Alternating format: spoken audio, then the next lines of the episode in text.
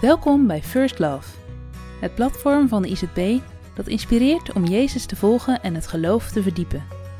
Vanuit de Bijbel delen christelijke schrijvers vanuit verschillende expertises een inzicht over thema's die iedereen raken. Deze bijdrage gaat over jaloezie en is geschreven door Gertine Blom.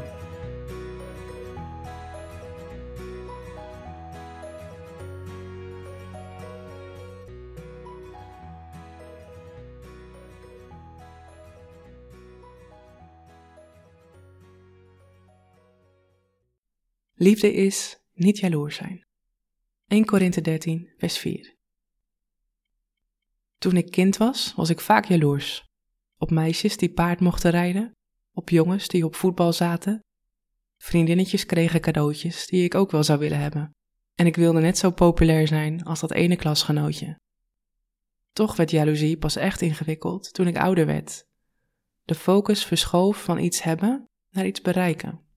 Ik kon jaloers zijn op iemand die even oud was als ik en mocht schrijven voor een belangrijke krant. Of op anderen die al een salaris hadden waarmee ze dat prachtige huis konden kopen.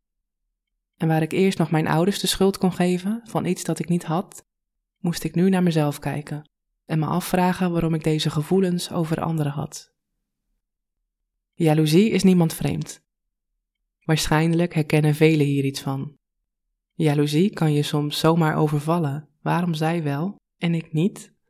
Het is een emotie die moeilijk te ontkennen valt, want vaak voel je het in je lijf. Je onderbuik wil je iets duidelijk maken. Net als veel andere klassieke zonden heeft het ook bij jaloezie zin om eens dieper in dat gevoel te duiken. Laten we het eens serieus nemen en nieuwsgierig naar worden. Wat wil het je vertellen?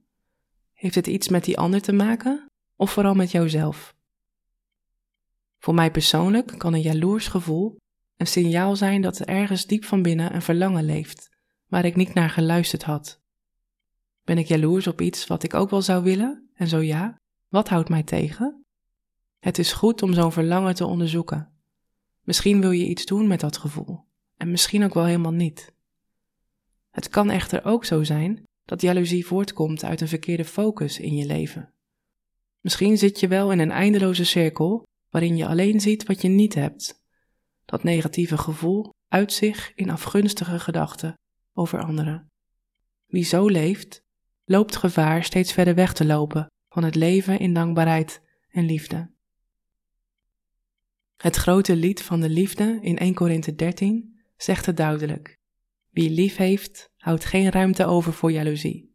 Het is een kunst om je uit dat negatieve patroon van jaloezie te worstelen en steeds weer terug te komen bij Gods overvloedige liefde.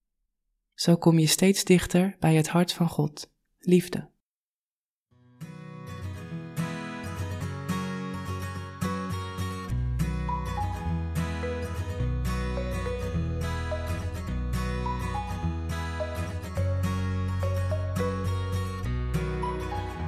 Bedankt voor het luisteren naar deze bijdrage.